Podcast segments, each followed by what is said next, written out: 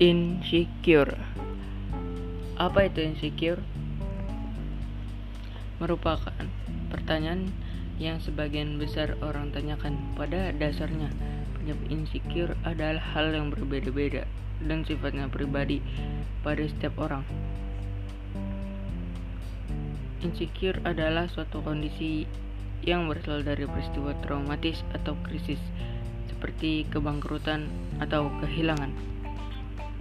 Hal tersebut juga dapat terjadi karena ketidakpastian atau gangguan dalam kehidupan sehari-hari, sehingga menimbulkan kecemasan dan rasa insecure.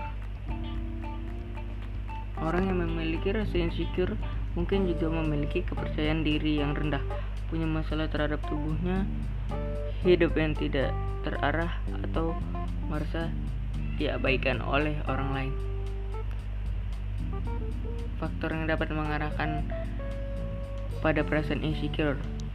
Satu, takut akan kegagalan dan penolakan. Dua, sifat yang terlalu perfeksionis. Tiga, kurang percaya diri karena kecemasan sosial. Empat, pola asuh yang kurang tepat. Lima, korban bully.